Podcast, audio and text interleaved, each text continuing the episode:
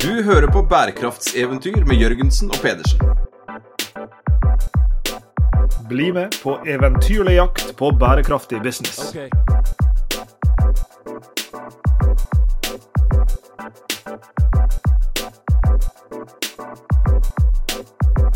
Det er jo fristende å spørre Sveinung rett og slett hva er problemet? Du, jeg skrev en gang en doktorgradsavhandling som het det samme, og ungene da de var små, så hevda de hele tida at det var jeg som var problemet. Jeg har et mye mer jeg har et mye mer tålmodig perspektiv på det. Jeg syns, jeg syns det er like deler løsning og problem i, i din uh, kropp. Men vi har jo um, Vi ble påminnet i går, faktisk, i, i en samtale med, med, Bjørn Haugland fra Skift. Så eller vi minte oss sjøl på det i den samtalen at vi uh, den gangen vi først gikk på ikke gikk på internett, det gjorde vi vel noen år før. Men det, det, vi begynte å gå inn i sosiale medier, så, så hadde jo jeg og du en felles uh, konto både på Twitter og andre steder som heter 'Hva er problemet?' Og det er jo mm. for oss vært i serien av uh, 'Herregud, så mange motto vi har'. Vi, skulle, vi må snart gi ut en sånn samlede motto-bok. Men det har vel vært som et slags motto for oss. og Vi skal, uh, vi skal vie en liten samtale nå til, til pro problemer og til probleminngangen på livet. Det hørtes deprimerende ut. Ja, ikke sant. For dette her skal jo snus helt på huet. fordi eh, den gangen vi begynte å interessere oss for problemet problemer, Lars Jakob, så var jo ikke det for problemenes skyld, det var jo for løsningens skyld. Eh, så var vi inspirert, som vi fremdeles er. Dette er jo det er mye atferd i dette her. Atferd og problemforståelse og kreativitet. Og, og når vi jobba med det, og jeg rappa jo den tittelen, for vi skrev et paper vi som på utenlandsk da het 'What's the problem?'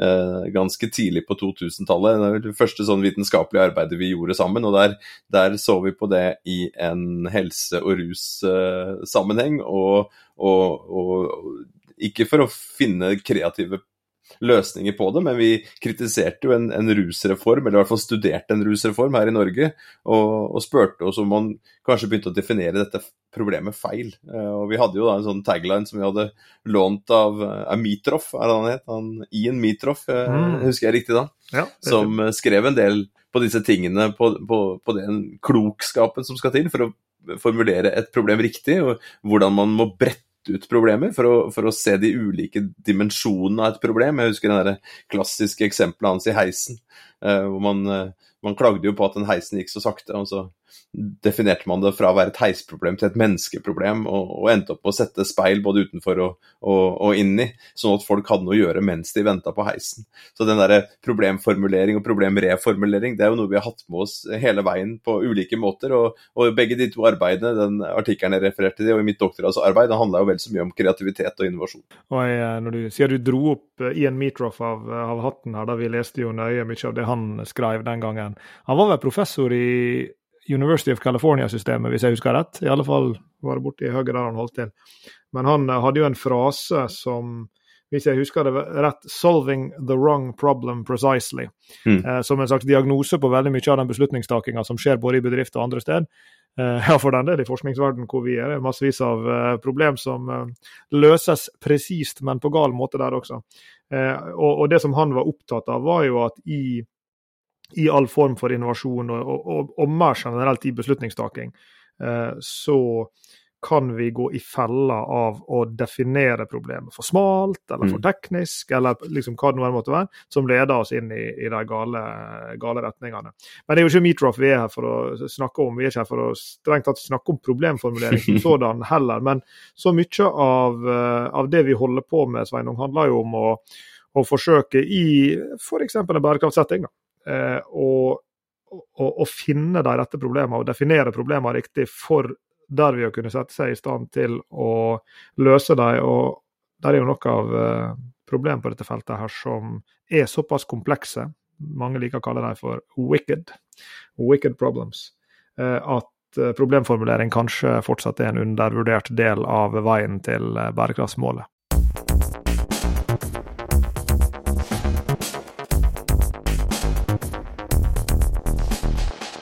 Så er det minst én dimensjon til, Jakob. Jeg tenker på at det er mange av disse problemene som er, så, er så tabubelagt. Eh, vi møter jo mange i ulike virksomheter som, eh, som eh, ja, trenger en klem og, og, og, og, litt omsorg, og i hvert fall forvissheten om at de kan ha tillit til oss og andre som er med i den settinga, for å pr prate om de problemene de faktisk skaper. Eh, og, og, den samtalen du refererte til her, denne podkasten vi var med på igjen, eh, Lars Jakob, når vi, vi snakka med, med, med, Bjørn og, mm. og, og Anne. Science for impact-poden. Eh, der viste du til eh, det nye Lego-eksempelet som vi har brukt i forelesning nå et par uker, og liksom referert til i ulike sammenhenger Lego som ga opp det store prosjektet. Men så, så kom det en artig twist ut av den fortellinga. Ja, og her må vi eh, nikke litt til, eh, til vår gode venn eh, Vibeke Køhler. Tidligere Sustainable Business Strategy-deltaker. SBS 002 alumni. Hei til hele det kullet der ute. Og, og Vibeke var med der og, og he, treffer vi i ulike sammenhenger. Nå var hun besøkt oss på NHH og, og var gjesteforeleser på, på masterkurset vårt Sustainable Business Models for å snakke om regenerative forretningsmodeller. Men på slutten av, eh, av den økten med studentene våre, så var det mer som en workshop enn en forelesning, egentlig. Eh, så, så tro, dro hun faktisk dette Lego-eksempelet som jeg og du har snakka så mye om i det siste, opp av hatten. Og da var det to ting hun sa som jeg beit meg merke i. Så jeg får takke Vibeke her for, for for å ha gjenvekka dette caset i hodet vårt. For, for, det ene er jo dette poenget med at når, når Lego gikk ut ikke sant, for noen uker siden, som sikkert mange har fått med seg, og jeg lurer på om ikke vi nevnte det i en nylig episodeinnledning, eh, så sa de altså at vi får ikke til dette store liksom det hovedprioriterte målet vi hadde satt oss, satt oss for, nemlig å lage legoklosser hvor vi erstatter fullt ut uh, oljebaserte uh, innsatsfaktorer i, i, i plasten. Uh, og, og, det kan en jo velge, vi var vel inne på det, det kan en velge å se på som deprimerende. Sant? Her var det en aktør som gikk ut Jeg tror jaggu vi skriver om det, gjør vi det, i, i, boka vår 'Restart Sustainable Business Model Innovation'. Jeg lurer på om ikke Lego er et case der i en av, en av et av kapitlene, og at vi bruker akkurat dette eksempelet. Så det må ha vært sånn i 2017-2018 da de gikk ut med den der ambisjonen der, og veldig breibeint ut. Ikke sant? Nå, dette her skal vi få til. Dette er vårt store det er liksom månelanding. Og så vet vi hvordan det pleier å gå når noen annonserer en månelanding. Det går mm. stort sett til helvete. Mm. Men, men, i alle fall da, så, så uh, gikk de jo da ut og sa at dette får ikke vi til. Og, og, og, det som jeg sa, på en måte deprimerende, på en annen måte så litt sånn forfriskende ærlig.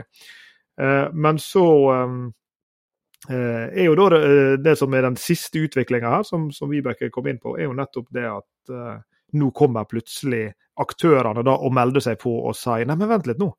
Vent litt, nå, vi kan hjelpe dere med det der. Vi visste ikke at dere ikke fikk det til sjøl, men vi har en teknologi som, vi har en innsatsfaktor som, vi har en prosess som kan hjelpe dere. Så plutselig så blir jo da dette problemet, idet det blir lagt fram, så blir jo det en, eh, en innovasjons... Uh, utfordring istedenfor internt i Lego, ja, men også for alle disse aktørene rundt i økosystemet til Lego, som kan være en del av løsninga. Og jeg ser at du eh, rister i stolen og har lyst til å kommentere, Sveinung. Jeg skal bare sitere Vibeke på noe som hun sa som jeg likte veldig godt, som jeg syns fanger dette poenget veldig godt opp.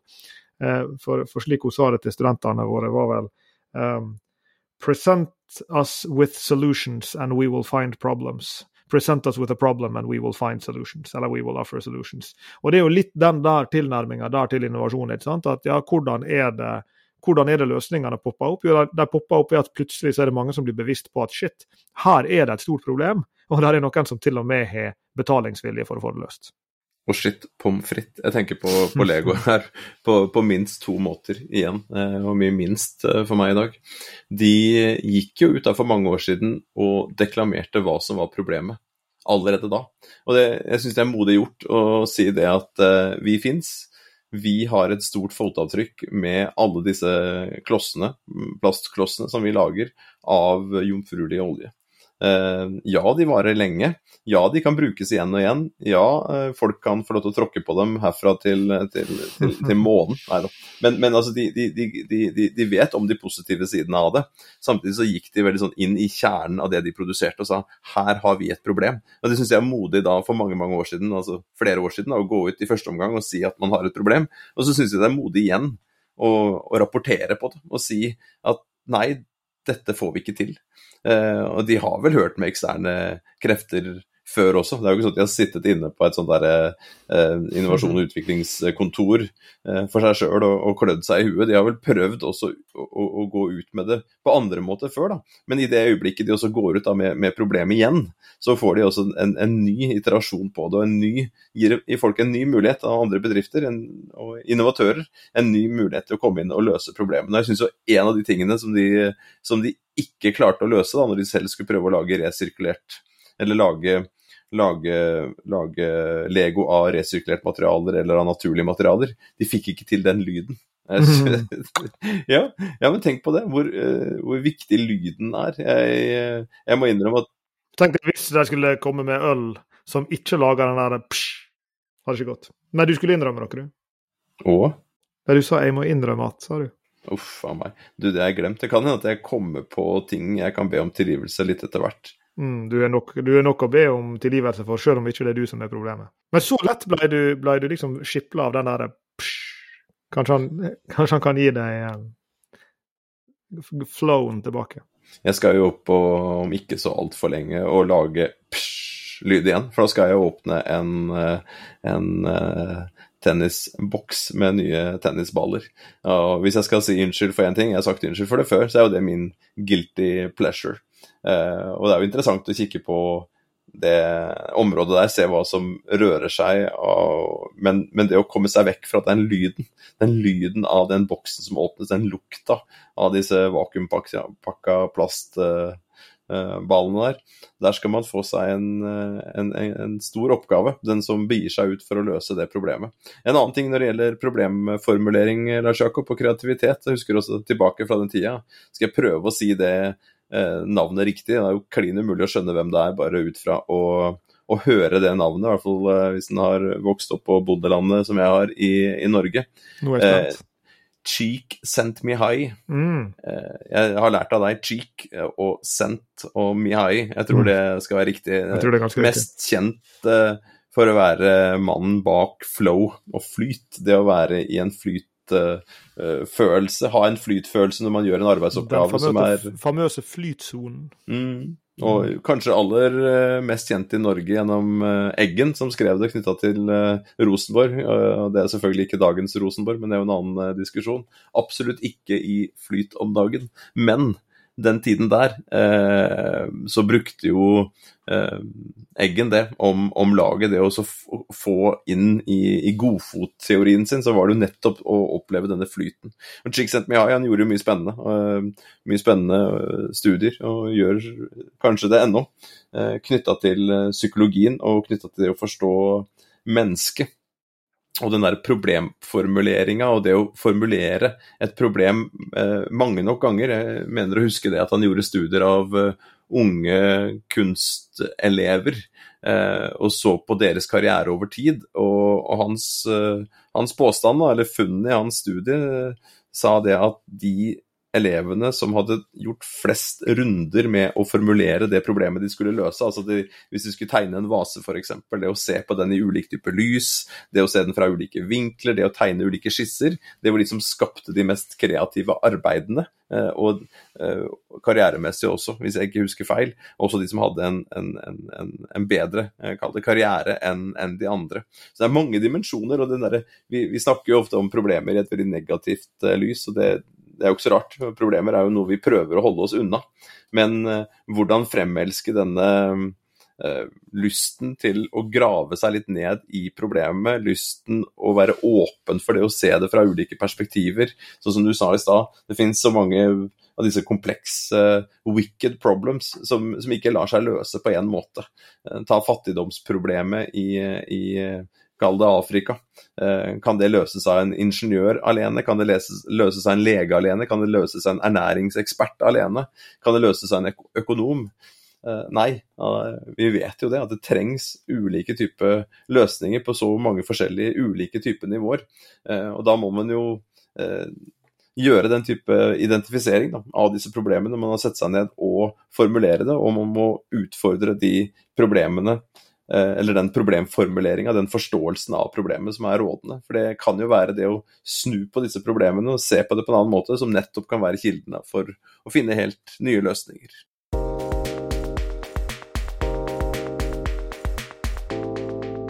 Her er jo noen sånne atferdspsykologisk interessante sider ved dette her som eh, ja, I denne podkastepisoden, som ikke er ute ennå, i denne Science for Impact-serien, så var det Bjørn Haugland, eh, vår gode venn fra, fra bl.a. Skiftnettverket, som da sa underveis Jeg syns det var en interessant refleksjon, for han sa at han, Da ble vi sittende og snakke om problem, og så sa han at kanskje hadde han, hadde han, vært for, for, mye fokusert på løsninger de siste åra? Og det er jo en av tingene som kjennetegner Bjørn veldig. Han har jo vært en framsnakker av og en som heier veldig på de grønne løsningene. Har spilt en utrolig viktig rolle i, i Norge på å vise fram og, og, dra oppmerksomhet i retning av grønne løsninger. Eh, og så kom han inn på dette spørsmålet. men er det Liksom, burde han ha brukt mer tid på, på problemer? Og dette er jo en sånn, Det er en parallell her i dette offentlige ordskiftet om klima. Jeg leste en artikkel forrige uke i ja, det må ha vært noe sånn Medier24 eller journalisten.no eller et eller annet sånn medienettsted hvor det var en liten sånn minikrangel rundt at um, det var blitt hyra inn en amerikansk journalist, hvis jeg forsto det rett, som skulle, skulle drive eh, kursing av norske journalister. Jeg husker ikke om det var innenfor ett mediehus eller om det var i mange ulike mediehus. Eh, i å, eh, i å liksom få mer følelser inn i klimajournalistikken. Fordi det ble så mye tall, det ble så abstrakt. det ble eh, men, men, så kom jo da reaksjonene som de alltid gjør rundt sånne ting, umiddelbart. For da var det noen som, som da svarte, og andre, andre folk i mediebransjen da, som, som, svarte at men dette her er jo helt feil. Det er jo det motsatte vi trenger. Om noe så vil jo følelsesfokus her bare føre til en enda mer eh, liksom polarisert situasjon. Det blir enda mer kulturkrig, det blir enda mer pro-woke, anti-woke, you name it. Det henger jo litt sammen med samtaler vi har hatt før Sveinung, i denne podkastserien, bl.a. i episoden som heter 'Vi må snakke mer om bærekraft'. Der, der vi snakker om liksom hvordan hvordan pakkettere disse problemstillingene og hvordan kommunisere rundt disse problemstillingene på måter som motiverer til handling, heller enn å liksom bare skape mer apati, eller mer motvilje, eller mer polarisering, eller gjør ting vanskeligere å løse. Så det er jo noen sånne ja, igjen da, I dette problemfokus og problemperspektivet, gjort på riktig måte, så vet vi at problemfokus og, pro og gode problemformuleringer trigger kreativitet. De trigger en, en, handlingsvilje, og de kan trigge handling og innovasjon. Ja. Eh, på den annen side, eh, gjort på feil måte, så, så eh, kan det kanskje gjøre det motsatte. Kan du komme på noen episoder hvor vi har jobba med bedrifter og sittet sånn og formulert problemer? Vi har jo en egen del i denne restarter-modellen vår som vi kaller erkjennelse. Mm. Kommer det opp noen minner? det, kommer, det, kommer, jo opp mange minner, og etter 105 episoder så kan ikke jeg eh, huske hva vi har snakka om og ikke snakka om. Jeg mistenker at vi et eller annet sted langt tilbake i denne podkastserien har fortalt om den gangen vi satt med, med denne her møbelklyngen på, på Sunnmøre, Norwegian Rooms, og, og, satt i, i, i, noen grupperom nede på NHH. Og, og ikke krangla, men, men det var liksom eh, konstruktive diskusjoner rundt forretningsmodellene til disse aktørene. Og jeg og du var knapt nok involvert, vi var bare fasilitatorer. Vi satt og hørte på dem diskutere. ikke Og, og, det var jo den gangen det virkelig gikk opp et lys for oss. Eh, og det var da vi utforma denne prosess, eller innovasjonsprosessmodellen, restarteren, som, som eh, finnes i siste kapittel av, av, boka vår, 'Restart Sustainable Business Model Innovation', som nettopp setter problemet og problemformuleringsprosessen så veldig i sentrum for, uh, for uh, innovasjon. Og, og, jeg tenker at Det er jo en liten sånn parallell her til en vår gode venn Nancy Bokken, som vi hadde gleden av å spise digital lunsj med i går.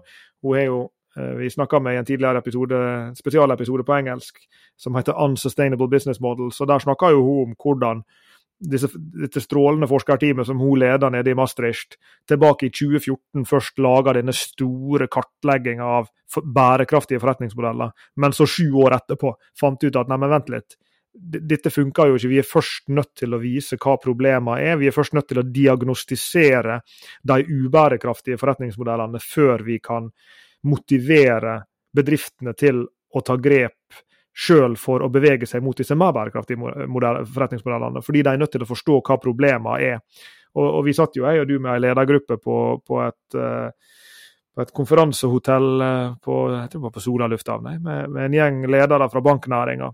Hvor det var en av disse lederne som, uh, sånn jeg husker det, tror jeg hun var en slags direktør for privatmarked, men tilgi meg om jeg husker feil Uh, og hun liksom midt i en samtale der kom et skikkelig hjertesukk. At liksom, hele forretningsmodellen vår i banken er rigga for å eh, tjene penger på at folk tar valg som egentlig er ubærekraftige. At de drar på seg kreditt. At de pusser opp raskere enn de burde. At de kjøper seg én bil til, at de kjøper seg ei hytte til. Eh, at de tar opp et forbrukslån. Altså, så, så, på en måte hjertesukkeren av sånn jeg hørte, det, det var jo et sånn Bokken-diagnostisk eh, eh, utrop. da, altså Disse ubærekraftige forretningsmodellene faen, vi er altså i et mønster hvor vi har bygd opp en forretningsmodell som egentlig går bedre jo mer bananas og fulle sjømenn eh, folk går i, i eh, tilgivelse til, nær sagt, Jeg ber om tilgivelse fra alle eh, sjømenn eh, for, eh, for den insensitive språkdrakten. Det kommer til å renne inn med sjømenn som eh, har klager på deg igjen. Du som til og med er fra kysten og burde kjent uh, dette her. Uh, dette her uh, Vokst opp med tare i skjegget. Men det er jo interessant dette her, syns jo vi, da.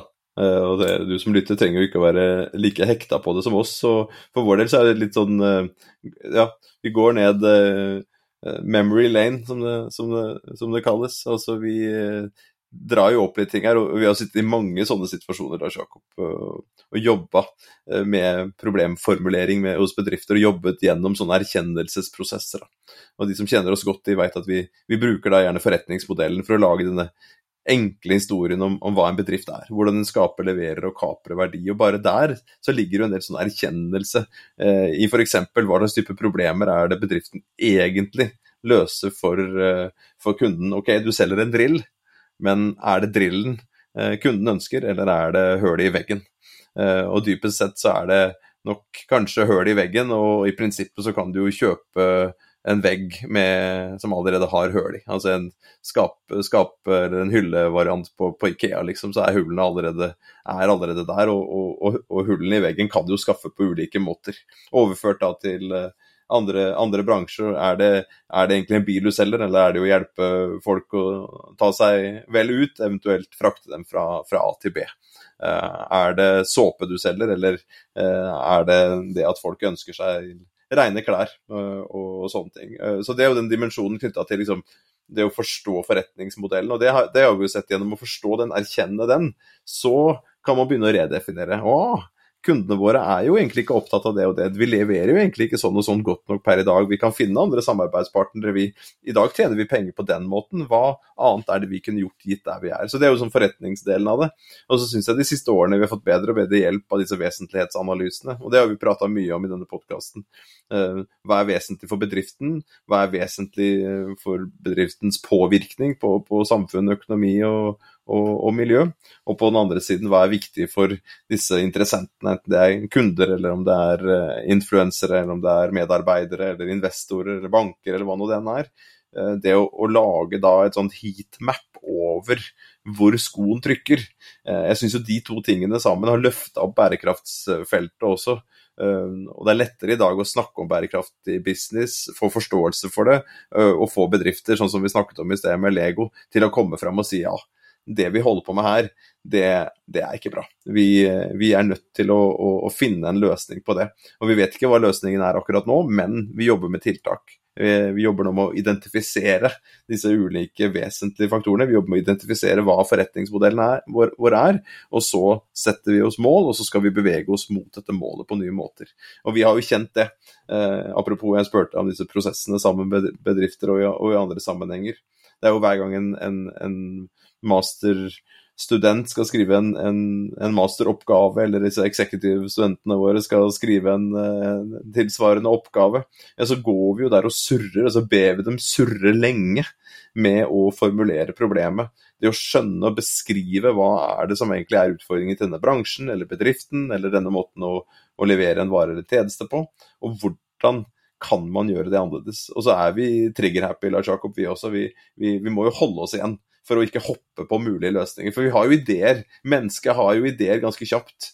Gitt uh, jeg sa dette kanskje litt sånn banale Afrika-problemet, med, med, fattigdomsproblemet i Afrika. Det er jo selvfølgelig ikke banalt i det hele tatt. Det er jo mangefasettert og, og krever ulike typer løsninger. Men det er jo lett å hive seg på disse løsningene gitt som man ser verden i utgangspunktet. Her trengs det fri marked, vil en økonom si. ikke sant? Her må vi legge til rette for konkurranse på en helt annen måte. Her er staten altfor sterk, her har det vært sånn og sånn, slik og slik. Det som trengs her, er den og den type løsninger. Eller en økonom da, med et annet type utgangspunkt vil si at nei, her trengs det flere kollektive løsninger. Det er staten her som ikke er, er sterk nok, vi må hente inn mer skatter, vi må, vi må, skattelegge viktige bransjer her, sånn at man kan få gjort sånn og sånn og slik og slik. Det er sånn økonom, to, forskjellige to økonomvarianter, men da ulike fagretninger vil, eh, og mennesker, eh, politiske partier, vil jo da eh, tør jeg påstå, ofte være litt for kjapp med å komme med, med, med løsningen. Og det å, å, ta et skritt tilbake der og, og ta den litt vanskelige praten. Det å hente i en vesentlighetsanalyse f.eks., så må man jo gjøre interessentanalyser av de ulike interessentene i de ulike markedene man opererer i. Der, hvis man er, har, er, har, leverandører i, i Sør-Amerika til, til, til bauksittproduksjon eller aluminium eller hva nå den heter, ja, hvordan er operasjonen der nede? Hva er det vi skaper av problemer? Hvordan er det vi kan gjøre dette på en annen måte? Så i det overordna spørsmålet for podkasten her, Jakob, eh, hva er problemet? Så, så, så, ligger det mye. Og det er jo der jeg, jeg syns også at uh, over tid tror jeg at jeg endra veldig sånn grunnholdning på, på, på liksom det her med problemforståelse rundt sånne ting som, som f.eks. har med bærekraft å gjøre, men det kan være helt andre ting også. For jeg, jeg, tror når jeg kom inn i dette feltet, eller hva vi skal kalle det for, 20-ish år siden, da, så hadde jeg en mye mer sånn Jeg var jo økonom allerede, for så vidt, så sånn sett var jeg jo, hadde jeg jo et slags innsidetype blikk, men jeg hadde likevel et sånn, en slags type kritikk som nå, all den tida etterpå, føles mye mer lettvint. Eh, altså den, den, kritikken som, som sjøl fikk meg interessert i, i, bærekraft og samfunnsansvar og forretningsetikk og disse temaene som, som, vi liksom begynte å grave oss ned i den gangen. Eh, og så syns jeg nok også at, at sånn i dag eh, Ref hun her eh, bankdirektøren, da. Eh, eller, eller, andre som vi snakker med, som, som stiller ganske presise diagnoser på sine egne bedrifter og forretningsmodellene som de og andre i den bransjen baserer seg på, så syns jeg, synes jeg jo veldig ofte at, at disse innside ut-diagnosene uh, treffer bedre enn disse utside inn. Det, der er så veldig mye roping og skriking på, på bærekraftsfeltet av hva alle gjør galt. Uh, og, og nær sagt, uh, vi har sjøl, eh, som vi vel sikkert har vært inne på før, tålt, eller mottatt veldig mye kritikk for, for ting og problemstillinger vi har hatt lyst til å jobbe med, aktører vi har hatt lyst til å jobbe med. Eh, og det er veldig lett å skyte på, på disse bedriftene. Eh, men så mye av kritikken syns jeg føles ofte som at han treffer litt på sida av, av, det som er problemet. Så, så det, jeg syns det er en interessant sånn innovasjonsutfordring, det der at på en måte så trenger du utsideinnblikker. Du trenger de som sier nei, men stopp en hal, skal dere fortsette å fyre opp dette systemet med brun energi? Eller skal dere fortsette å, å uh, basere dere på en, en, modell i denne varehandelsbedriften som, som kun belønner volum over, over, alt annet? Eller skal dere gjøre det på en helt annen måte? Uh, samtidig så syns jeg ofte at de problemforståelsene som kommer fra innsida, er ofte bedre funderte og mer presise. Skjønner du på en måte paradokset jeg er mm, inne på? Mm. Og så sitter jeg og tenker parallelt her på Anja Bakken Riise og Framtiden i våre hender, som er ute i, i, disse, i disse, dager med en uh, kampanje knytta til, uh, til, klær og, og avfall. Uh, og Anja Bakken Riise sa det i, i går, så jeg på Og det er jo et innsiden ikke et innsiden inn fra klesbransjen, men, det er et utsiden inn, da, hvis jeg forstår deg riktig, som sier at hun sier det, det gjør vondt å si det, for her peker man på Frelsesarmeen, man peker, på andre uh, organisasjoner som man er glad i og som man vet gjør en ekstremt viktig jobb. Men hun stiller spørsmålet, og de stiller spørsmålet er det sånn at de har blitt uh, vår søppelbøtte. Uh, når dette her ikke um, blir gjenbrukt, reparert, eh, solgt i Norge, sånn som vi skulle håpe, eller solgt andre steder, men hvor veldig mye skipes eh, ut av landet og blir til, eh, rett og slett til avfall. Og at det på en måte kanskje er med og sminker, hvis jeg skjønner det riktig, sminker dette problemet. Eh, og, og, der er vi litt sånn inne på en, en, annen dimensjon igjen. altså sånn, ok, Noen ganger så trenger vi å bli poka litt. Du og jeg trenger å bli poka litt der, Sjaka. Ja, vi trenger det. Vi trenger den der fingeren inn i ribbeinet innimellom. Så bare, ah, det gjorde litt vondt. For det, ja, altså, jeg mener ah, Det er jo ikke sånn For det er jo det er mange av disse problemene som vi, vi også ikke alltid ønsker å se i øya. Oh, ja. eh, så kanskje det er kombinasjonen av, Jakob, mm. av disse innside ut og utside inn. Eh, problemstillingene. For det er jo eh, ikke nødvendigvis riktig det framtiden i våre hender her påstår. Jeg kjenner ikke den saken eh, godt nok, men vi har jo sett det i det siste.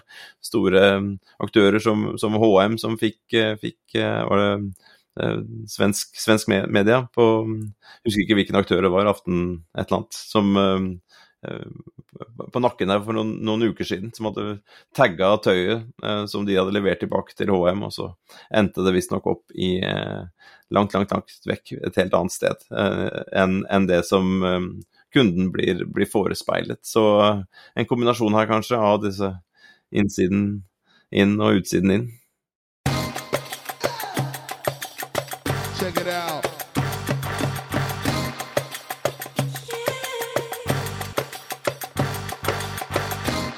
Misforstå meg rett, jeg, jeg, er fryktelig takknemlig for, for, den jobben som alle ja, i vid forstand aktivister gjør, egentlig. Og da, mener jeg aktivister i, i, i mer det systematisert form, som f.eks. NGOs. Det er egentlig ufair å, å kalle dem for, for, aktivister. Jeg, jeg, må omformulere det. Men de, de som ivaretar interessenter sine interesser der ute, da. Og det kan være en NGO, men det kan også være helt ut på, på kall det aktivistfløy. Eh, men, men så er det liksom et sånn spørsmål om hvor, hvor er det de treffsikre løs, løsningene kommer fra. Jo eh, vi lever jo i en tid hvor, eh, hvor, det er mer og mer forbud, f.eks. Og det kan en jo diskutere hensiktsmessigheten av. Nå, ser en at eh, engangsbestikk For Blir, blir forbudt mange steder. Og så er det liksom spørsmåla rundt skal, skal en forby fossilbiler. og Noen steder gjør en det i indre by, burde en gjøre det sånn mer generelt. Og, og, jeg er ikke noen sånn policy-økonom i det hele tatt. Disse tingene kan jeg fryktelig lite om. Så det er en klar og tydelig disclaimer her. Men jeg syns det er interessant med liksom, de typene løsninger som, en, som et eksternt blikk vil foretrekke, kontra de løsningene som det interne blikket vil foretrekke. Og så er det grøfter på begge sider. For risikoen når du står på utsida inn og skal kritisere, er at du ikke fullt ut forstår prosessene på innsida som du ønsker å regulere, eller hvor du ønsker å forby ting. Og så får du disse perverse bieffektene som, som ikke er tilsikta. Problemet med den andre som skal, Innsiden ut er jo selvfølgelig at når du sitter inne i, inne i hytta, så har jo ikke du lyst på kjempestore endringer. Så det, så, det, kan jo veldig ofte da føre til at tingene du foreslår, kanskje ikke monner. Så ja, helt klart en, en kombinasjon av de to. Og så er det jo ikke alltid heller aktivistene eller da NGO-ene, som er de som har utsiden-innblikket. Vi har jo sittet og veileda oppgaver, vi, med ledere fra andre bransjer som har gått inn i en tredje bransje, eh, og hatt en forventning før de begynte å snakke med aktørene om at den, denne bransjen har ikke lyst på endring. Eh, det har vært liksom en sånn arbeidshypotese på vei inn i en masteroppgave, f.eks., med, med voksne eksekutivstudenter, og som har gått ut og prata med aktørene og så sett at oi, her er det jo faktisk folk som ser problemet, eh, og som ønsker å løse det internt, men de har ikke helt kommet dit ennå.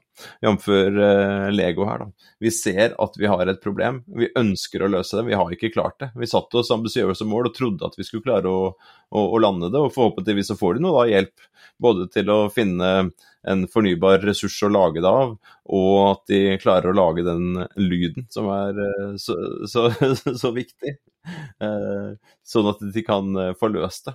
Men det der samspillet Lars Jakob, mellom litt sånn ulike ja, ulike blikk på problemet. Da. Det er vel kanskje der den kreative potensialet ligger.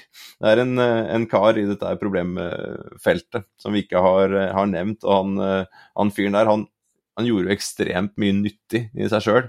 Og jeg har sett så mange sitater etter den der uh, guruen at jeg lurer på hvor, hvordan han fikk tid til å gjøre det arbeidet. For han blir jo sitert hele tida. Så jeg skal være litt forsiktig her, for jeg, jeg har ikke da trippelsjekka det om det er uh, unge Albert Einstein som en gang sa at uh, ja, skal, står jeg overfor et problem, og det står om livet, å få løst det, og jeg har bare en time å, å løse det på.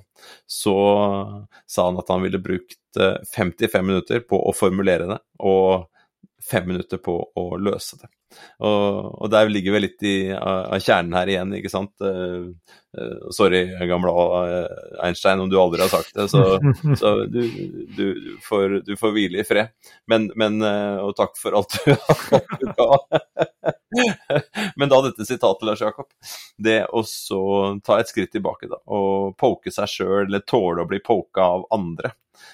og det å gå en runde og, og tenke om hva er det egentlig står overfor her? Eh, hvilke utfordringer er det jeg har her, og, og hvordan i all verden kan jeg løse dette på nye måter? Du har hørt på Bærekraftseventyr med Jørgensen og Pedersen. Send e-post til eventyr.krøllalfa.jorgensenpedersen.no for å stille spørsmål eller komme med forslag til tema for fremtidige episoder. Og besøk jorgensenpedersen.no for mer informasjon om denne podkastserien. Okay. Derfra kan du også fortsette samtalen med oss i sosiale medier på Twitter, Facebook, LinkedIn, YouTube og andre steder.